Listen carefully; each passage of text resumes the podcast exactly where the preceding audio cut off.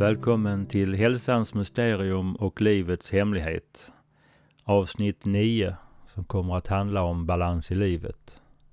För mer information kan du gå in på hemsidan amixe.se.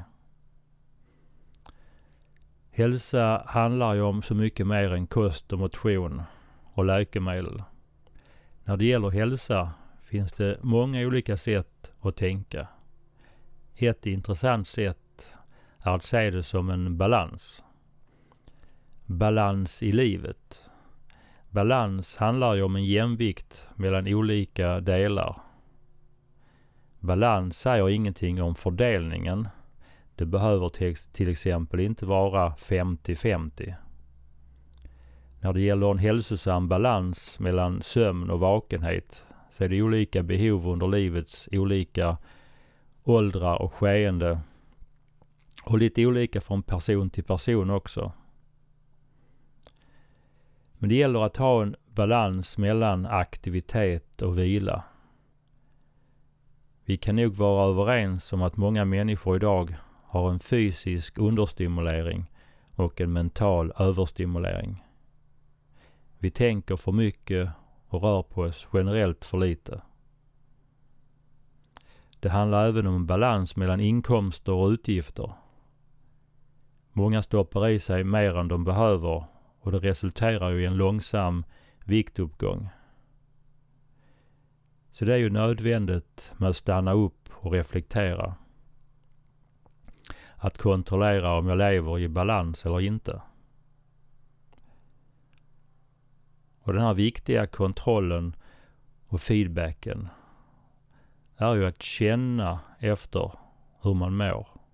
Att våga känna efter utan filter och skygglappar.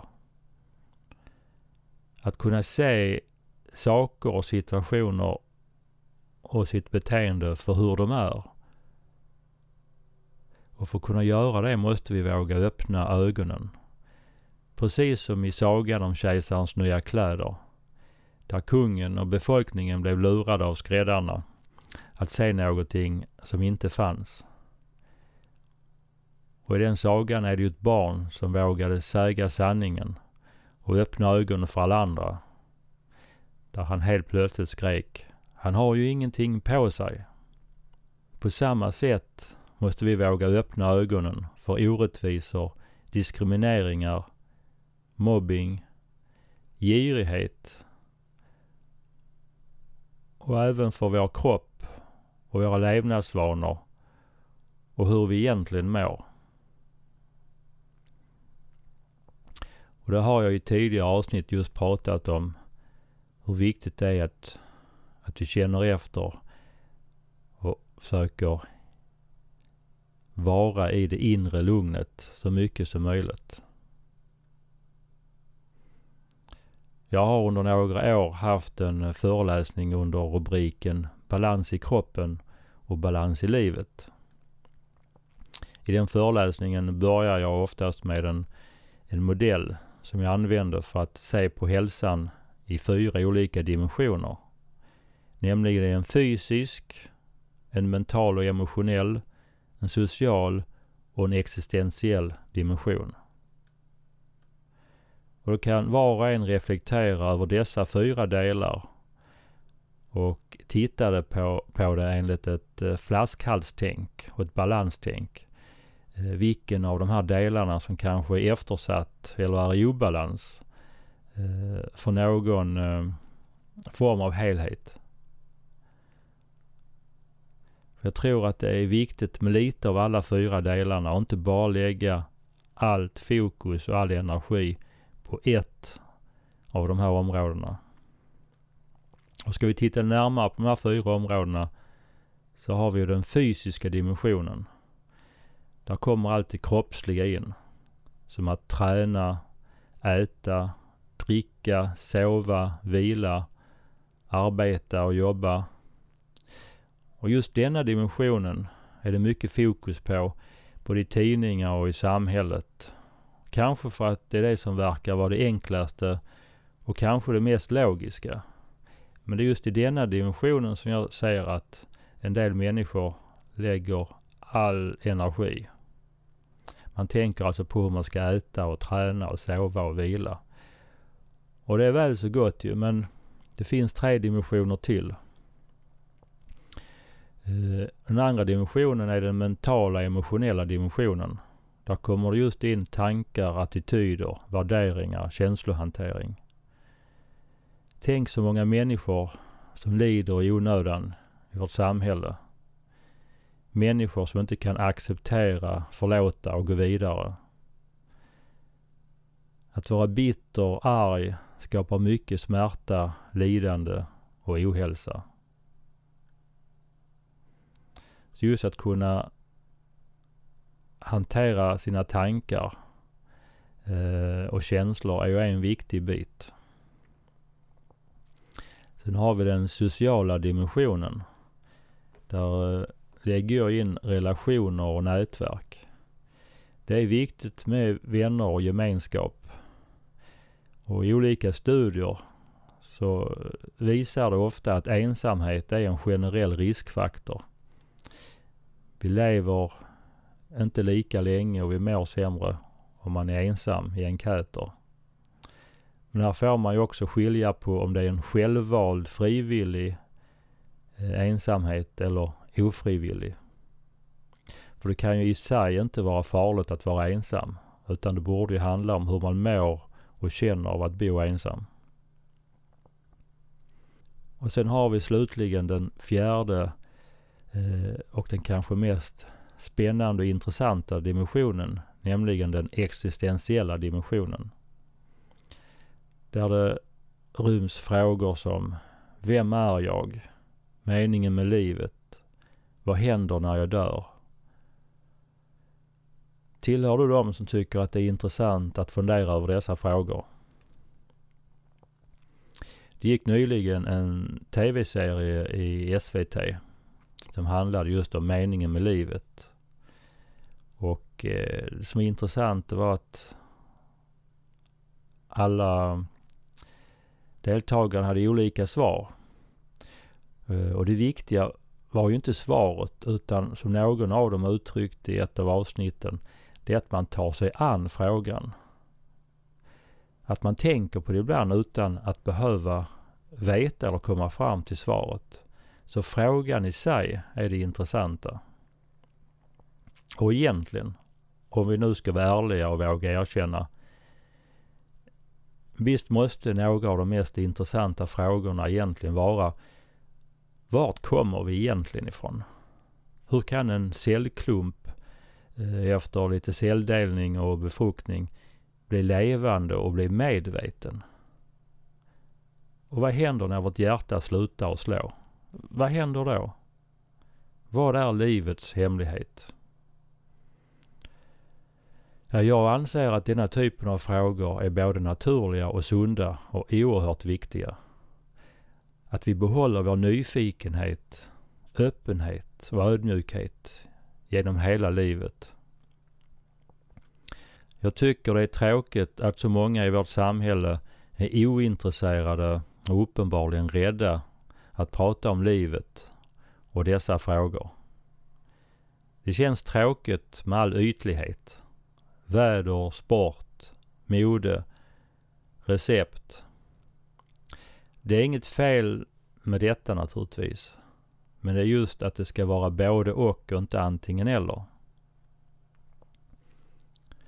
Jag har hört några uttryck som att man ska inte fundera för mycket. Man kan bli tokig av att grubbla på det här. Känner ni igen detta? För mig är det precis tvärtom. Det är just genom att reflektera över dessa eviga frågor som gör att jag på något sätt känner djup och mening och dessutom kickar igång mig och ger mig någon form av energi. Jag kommer ihåg när jag först blev medveten om det här och det var eh, på 90-talet när jag började läsa den här typen av böcker. Eh, jag började läsa Deepak Chopra och Neil Donald böcker. Jag kunde då komma hem vid halv sju-tiden på kvällen efter jobbet och vara lite halvtrött. Och lade märke till att när jag satt och, och, och, läste och reflekterade lite över de här frågorna och innehållet i de här böckerna. Så efter 15-30 minuter så eh, hände någonting väldigt speciellt. Det kom någon form av energi som lyfte mig. Jag är inte upp i luften som levitation. Men de här nya perspektiven eh, om livet och varandet eh, gjorde att jag eh, blev mindre trött och ja, det är svårt att förklara. Så det var en väldigt häftig eh, upplevelse att märka detta. Och eh, men jag tror här att det är viktigt att nämna lite om känslans betydelse. Känslans betydelse har jag pratat om eh, flera gånger tidigare i tidigare avsnitt. Känslan är ju ett bra feedbackredskap. Känslan avslöjar ju om vi är på rätt sida och på rätt spår. Framförallt tänker jag på bild 6 i avsnitt 7 på amixe.se. Eh, där just den här axeln på den bilden där man har en positiv och negativ känsla. Att där finner man sig på ena sidan om man har en positiv känsla. Som genom att just reflektera och fundera. Medan där man går över på andra sidan om man får en negativ känsla genom till exempel grubbla och oroa sig. Så om ens tänkande över de här frågorna görs med en positiv lustfylld och nyfiket sinne så är det ju som det ska vara. Och det är just det jag känner.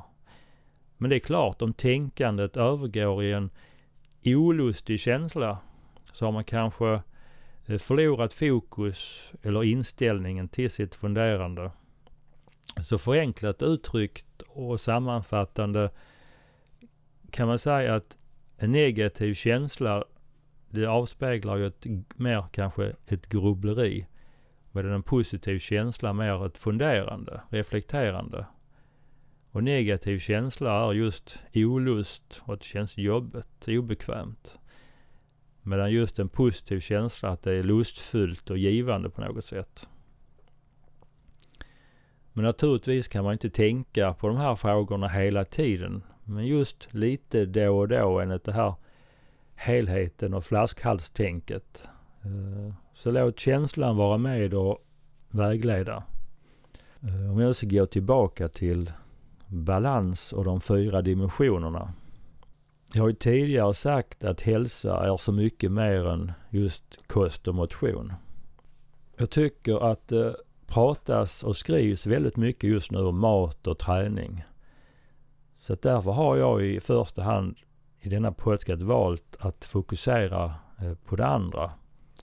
Därav uttrycket att hälsa och livet är så mycket mer än kost och motion. Men det betyder naturligtvis inte att kost och motion inte är viktigt. Det hoppas jag ändå framgår. Jag tänkte nämna lite om det nu. Om man inte rör på sig någonting och äter väldigt ensidigt eller väldigt mycket. Är det klart, då kan det ju vara det som är en flaskhals som hindrar en från att uppleva hälsa. Men en intressant fråga är vad som är orsaken till att man äter ensidigt, ensidigt och för mycket. Vi kan ju vara överens om att kosten och livsstilen kan vara ohälsosam för en individ. Men varför och hur göra? Det kan ju teoretiskt vara alltifrån okunskap och dåliga vanor till en obalans som leder till ett kompensatoriskt tröstätande. Så detta är ju komplext. Det har ju visat sig att överviktiga personer har ofta tillräckliga kunskaper om kost och vad man egentligen ska äta. Men de gör inte det. Så det handlar oftast inte om kunskapsbrist som man kanske gärna lätt vill tro och därmed tror att man lätt ska kunna åtgärda. Men om det är väldigt dåliga kostvanor så kan man fokusera på detta eller någon av de andra eh, dimensionerna först eftersom orsaken kan ju trots allt finnas där. Och då tänker jag också på en eh, intressant bok jag kom över och läste på 90-talet. Eh, eller början av 2000 till och med. Den heter Övervikt handlar om känslor. Det var en forskare i Stockholm som jobbade med både viktminskningskurser och stresshanteringskurser. Och i viktminskningskurserna var det oftast fokus just på kost och motion. Eh, och författaren berättar där att de hade ofta tillräckliga kunskaper. Eh, men i den här gruppen så fick de stöd och lite piska på sig. Och det som oftast hände det var att under den här perioden de var med i gruppen så gick de ju ner. Men när kursen avslutades som skulle klara av det här på egen hand så var det väldigt många som gick upp igen. Och då kom man in på den här intressanta jojo-bantningen. Men det som var så intressant var att samtidigt hade den här personen eh, stresshanteringskurser. Och där pratar man inte så mycket om kosten utan framförallt om stressen. Och i de här grupperna fanns det också överviktiga. Och då visade det sig i uppföljning att de gick också ner och höll vikten bättre än de som hade gått viktminskningsgruppen. Och det var ju intressant. Vad fick då de i stresshanteringskursen som inte de andra fick? Jo, just stresshantering. Och utifrån detta ehm, eh, sade man just att övervikt handlar om känslor. Och vi har ju sedan tidigare, vi känner till det här med tröstätande. Som kallas med fint ord kompensatoriskt ätbeteende. Så att den här onödiga energiintaget eh, står för någonting helt annat. Har en annan funktion. Och där tänker jag mig också att en person som är i balans och har det inre lugnet behöver inte maten som tröst. Det är därför också jag tycker det är så viktigt att först fokusera på att finna den inre balansen och det inre lugnet. Men det är ändå intressant att diskutera kost. Eh, och där har man ju sett nu att socker, det triggar ju ätandet. Och att vi får en bättre mättnadskänsla av eh, fett och protein. Och kostråden har ju svängt fram och tillbaka. Från att vi ska äta sju brödskivor om dagen och undvika en del fett, nästan fetthysteri, till att vi nu ska äta mindre kolhydrater framförallt socker. Och att det är okej okay att äta fett. Jag har själv eh, extrema erfarenheter av detta från eh, min tid som muskelbyggare, så kallade bodybuilder på 80-talet. Då var jag under några år i tonåren väldigt fixerad vid träning och bygga muskler. Och eh, jag vet inte om jag ska säga det med stolthet men faktum är, som säkert blir en överraskning för många lyssnare, att jag vann faktiskt junior-DM i bodybuilding i Landskrona 1986. Och det kan man kanske inte tro. Eh, och när jag ser tillbaka på de här åren eh, så var det ju lite galet. Jag var vid den tiden helt fixerad vid träningen och att inte äta fett. När det var som extremast under en period, framförallt inför tävlingen, så var lättmjölken alldeles för fet. Den innehöll ju 0,5% fett. Så att eh, det blev att jag istället drack pulvermjölk och blandade den själv med vatten. För då blir den bara 0,1%. Så jag jagar verkligen fetterna. Och får i mig tillräckligt mycket med protein så blir det väldigt mycket kokta äggvitor och de flesta gulorna de kastades ju på grund av fettet. Och jag kommer ihåg att Många gånger så åt jag inte min mat för att det var gott. Utan det var för att den var... Eh, den innehöll det jag trodde den skulle innehålla. innehålla. Så det kunde bli en kvällsmåltid med en stor portion kokt torsk. utan sås och kokt potatis eller ris till. Och några grönsaker såklart. Och enligt dåtiden skulle man eh, mer eller mindre äta hela tiden för att optimera muskeltillväxten. Men var det egentligen hälsosamt?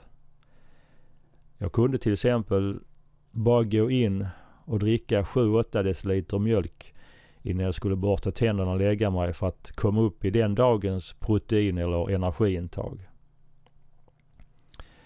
Så nu i efterhand kan jag konstatera att jag valde träning och muskler framför hälsan och det sociala.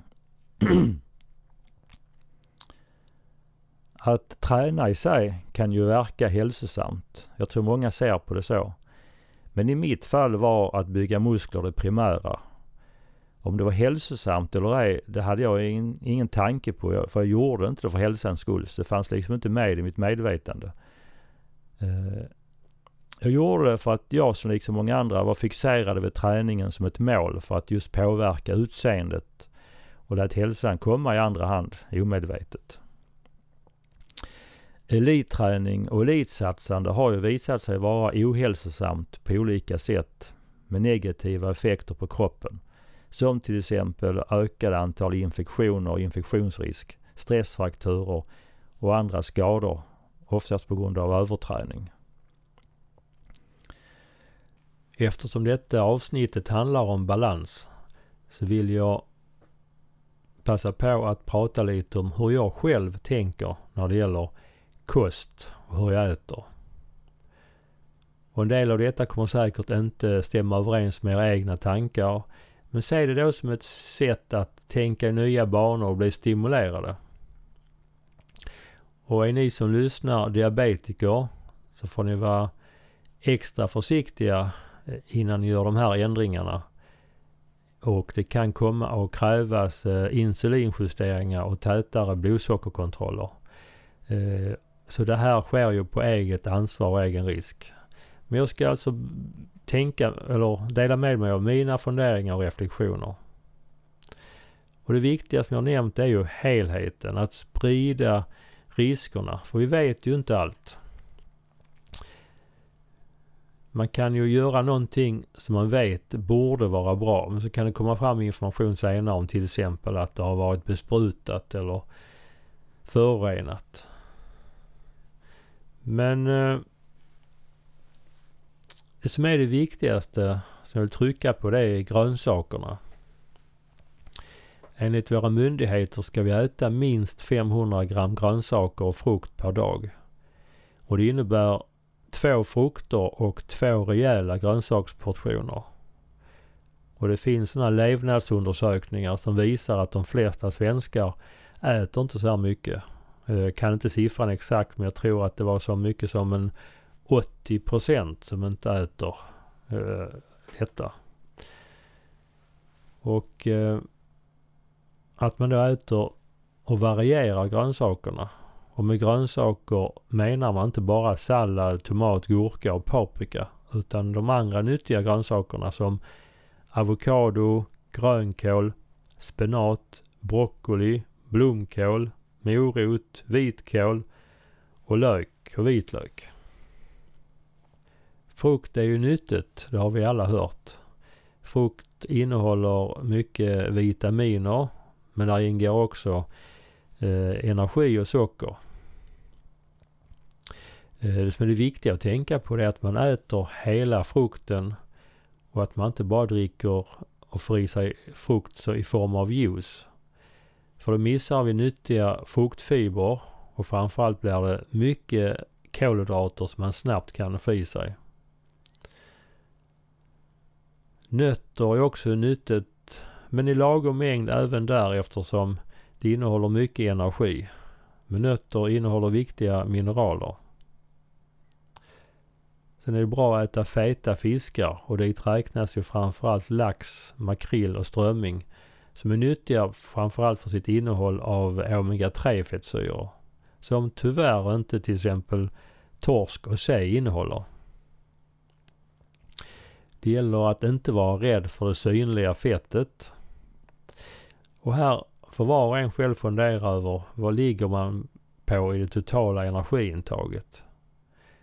Eh, en massa fett är ju inte bra så länge som man får i sig för mycket energi. Men så länge man inte kommer upp i mer än sitt dagliga dagsintag så tycks det inte vara några problem att äta fett. Och det gäller ju att äta så naturliga och obearbetade produkter och livsmedel som möjligt. Att försöka laga mat från grunden som det heter. Och därmed undvika konserveringsämnen och halvfabrikat och ha större näringsvärde i maten. Så helt enkelt lära sig laga mat med råvaror. För de flesta så uppfattar jag att vi behöver minska på vitt socker och snabba kolhydrater som finns i stärkelse från framförallt sönderkokt potatis, överkokt pasta och ris. Så det handlar väldigt mycket om mängden, att inte överäta. Och det är inte fel att ta en lågkaloridag lite då och då. För att bränna lite fett. Vi är ju vana vid att äta hela tiden. Jag tror att vi är anpassade för att leva med ett varierbart intag. Det vill säga med perioder med mindre energiintag. Och de flesta av oss har ju flera veckors energiupplag lagrat i kroppen. Det enda vi egentligen behöver då är ju vatten och näring. För energin finns ju i fettvävnaden. Annat som diskuteras idag är ju mejeriprodukter med sitt innehåll av mjölkprotein och mjölksocker. Och mjölksocker är ju laktos. Och vi glömmer gärna bort att, att det är bara här uppe i, i framförallt Norden som vi tål, eller så stor andel av oss tål eh, mejeriprodukter. Det är bara en bråkdel av alla människor på jorden som kan dricka mjölk. I många andra världsdelar så kan så mycket som 99% av den vuxna befolkningen inte dricka mjölk på grund av att de saknar ett enzym i tarmen som heter laktras som byter ner laktosmolekylen. En annan sak att fundera över är ju vårt gluten och spannmålsintag. Tänker all, framförallt på vitt bröd. Så om man har problem med sin mage och hälsa så är det inte fel att se över sina kostvanor just med avseende på sitt totala socker och kolhydratintag, gluten och spannmål och laktos och mejeriprodukter. Och fundera över hur mycket grönsaker man äter och omega-3. Jag läste en intressant bok i somras som heter Andens medicin. De flesta av oss vet ju att det är farligt med ett högt blodsocker under en längre tid. Utan insulin så överlever inte en diabetiker särskilt länge på dagens kost. Och socker, det vill säga glukosen, det är en reaktiv molekyl. Och den skadar bland annat kärlen så att diabetiker med sitt höga blodvärde får skador på ögonen och cirkulationen i fötterna. Det är ju tack vare insulinet som glukosen tas upp ifrån blodbanan och bort från kärlen. Men är det då frid och fröjd? Vi ser det som att vi bara ska få ner blodsockret och har vi en fungerande bukspottkörtel som producerar insulinet så behöver man inte tänka så mycket med sitt socker. Mer än att det kan ge problem med karies Eh, problem med tänderna. Ja, grejen är att glukosmolekylen den eh, blir ju inte mindre reaktiv bara för att den har tagits bort från blodbanan och tryckts in i cellerna. Problemet fortsätter där. Eh, där inne är den lika reaktiv. Som tur är har vi fullt av mitokondrier inne i cellerna som då ska omvandla glukosen till energirika ATP-molekyler som lagrar energin tills den behövs i cellen. Problemet som uppmärksammas i boken Andens medicin det är att mitokondrierna har andra viktiga saker att göra än att bara ta hand om allt socker som kommer in. Som till exempel att göra reparationsarbete. Men, den, men då den i första hand har som prioritering att ta hand om socker, det vill säga glukos som kommer in, så hinner inte med sitt andra viktiga jobb. Så det är alltså viktigt för vår hälsa långsiktigt att vi får små uppehåll lite då och då där vi har ett kolhydratfönster på 12 till 18 timmar där vi inte kommer in någon form av kolhydrater. Till exempel att man kanske en till två dagar i veckan har någonting som kallas periodisk fasta. Det kan till exempel innebära att man efter att ha ätit sin kvällsmat på kvällen så äter inte man mer kolhydrater förrän kanske lunchen dagen efter. Och då får man ju ett 18 timmars fönster. Så vad man kan göra det är att borsta tänderna efter kvällsmaten för att markera för sig själv att jag ska inte äta mer ikväll. Men det är okej okay att dricka vatten. Och sedan eh, på morgonen och förmiddagen dagen efter kan du dricka vatten och eventuellt te och kaffe. Eh, och är man hungrig och inte kan stå emot så får lite mättnadskänsla så är det helt okej okay att äta något ägg. Man kan äta ett ägg till frukosten och ett ägg på förmiddagen lite senare. Vad som då händer är att då går kroppen över på fettförbränning. Vilket är naturligt för kroppen när inte de snabba kolhydraterna finns kvar. Och om vi motstår detta suget en liten stund, eh, vilket för övrigt är ett bra sätt att jobba med sig själv och lära känna sin kropp, så försvinner suget när kroppen eh, går över på att börja ta energi från våra fettdepåer istället. Vår kropp har inte ett stort lager av kolhydrater. Utan efter någon timmes arbete så, eller eh, en natts fasta så går kroppen över på att börja eh, ta energin ifrån fett istället. Och de flesta människor har ett fettlager som gör att vi alla skulle kunna överleva flera veckor utan mat om vi bara fick i oss vatten. Så om vi går tillbaka till det här med de fyra dimensionerna. Eh, att man tänker på vilken är min flaskhals? Att våga ta sig an denna. Har man till exempel en existentiell oro så det är kanske inte är optimalt att försöka lösa denna obalans genom att kompensera extra mycket till någon av de andra dimensionerna. Som till exempel att försöka springa bort sina problem. Om man behöver träna flera gånger i veckan för att må bra, tror jag lösningen finns på annat håll. Och det betyder än en gång inte att man inte ska träna. Tvärtom, träning är bra.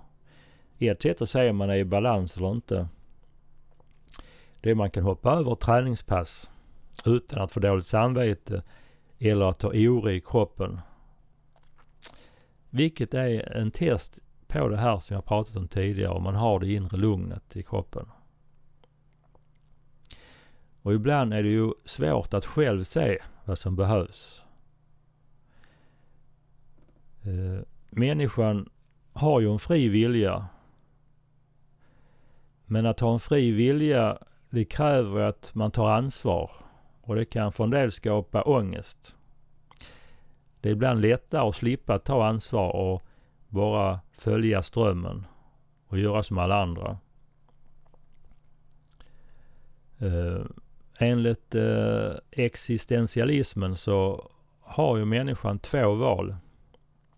Antingen så tar man sig an livet, vågar ta ansvar och vågar välja att ta sig an eh, de egentliga hindren. Eller så gör man det lätta valet att fly. Man tar inte sitt ansvar. Och enligt existentialisterna så leder den här flykten till existentiell tomhet och en känsla av meningslöshet. Så jag tror att det är viktigt att vi använder oss av vår fria vilja till att våga ta ansvar efter det vi tror på. Och att bli den här agerande människan som jag pratat mycket om i förra avsnittet, avsnitt 8. Att bli agerande istället för reagerande. Jag tror att, att det är den riktningen vi måste gå för att utveckla eh, mänskligheten och oss som människa. Och när vi ständigt har någonting att göra så håller vi ju känslan av tomhet på avstånd. Eh, så jag tror att många människor använder arbete, TV och träning till att döva sin existentiella ångest. Så det är alltså viktigt att våga stanna upp och orientera sig. Att våga känna efter. Så det viktigaste är kanske att först ta sig an, komma tillbaka till det inre lugnet och att bli kvitt de här snurrande tankarna i huvudet. Så balans i livet börjar lämpligt med att skaffa sig det inre lugnet och sedan utifrån ett lugnt och balanserat sinne kommer mycket att lösa sig. Bland annat genom att vi tänker klart och inte gör onödiga saker. Jag vill tacka för att du lyssnar och min avsikt är att det som är tänkvärt för mig också är tänkvärt för dig. Jag vill nämna att jag nu har startat en grupp på Facebook som heter just Hälsans mysterium och livets hemlighet. Där det är möjligt att vi kan ha en dialog tillsammans över innehållet och reflektera. Nästa avsnitt som jag ska förbereda kommer att handla om andningen som är ett hjälpmedel för att nå det inre lugnet och att hitta balansen i kroppen. Tills nästa gång. Ha det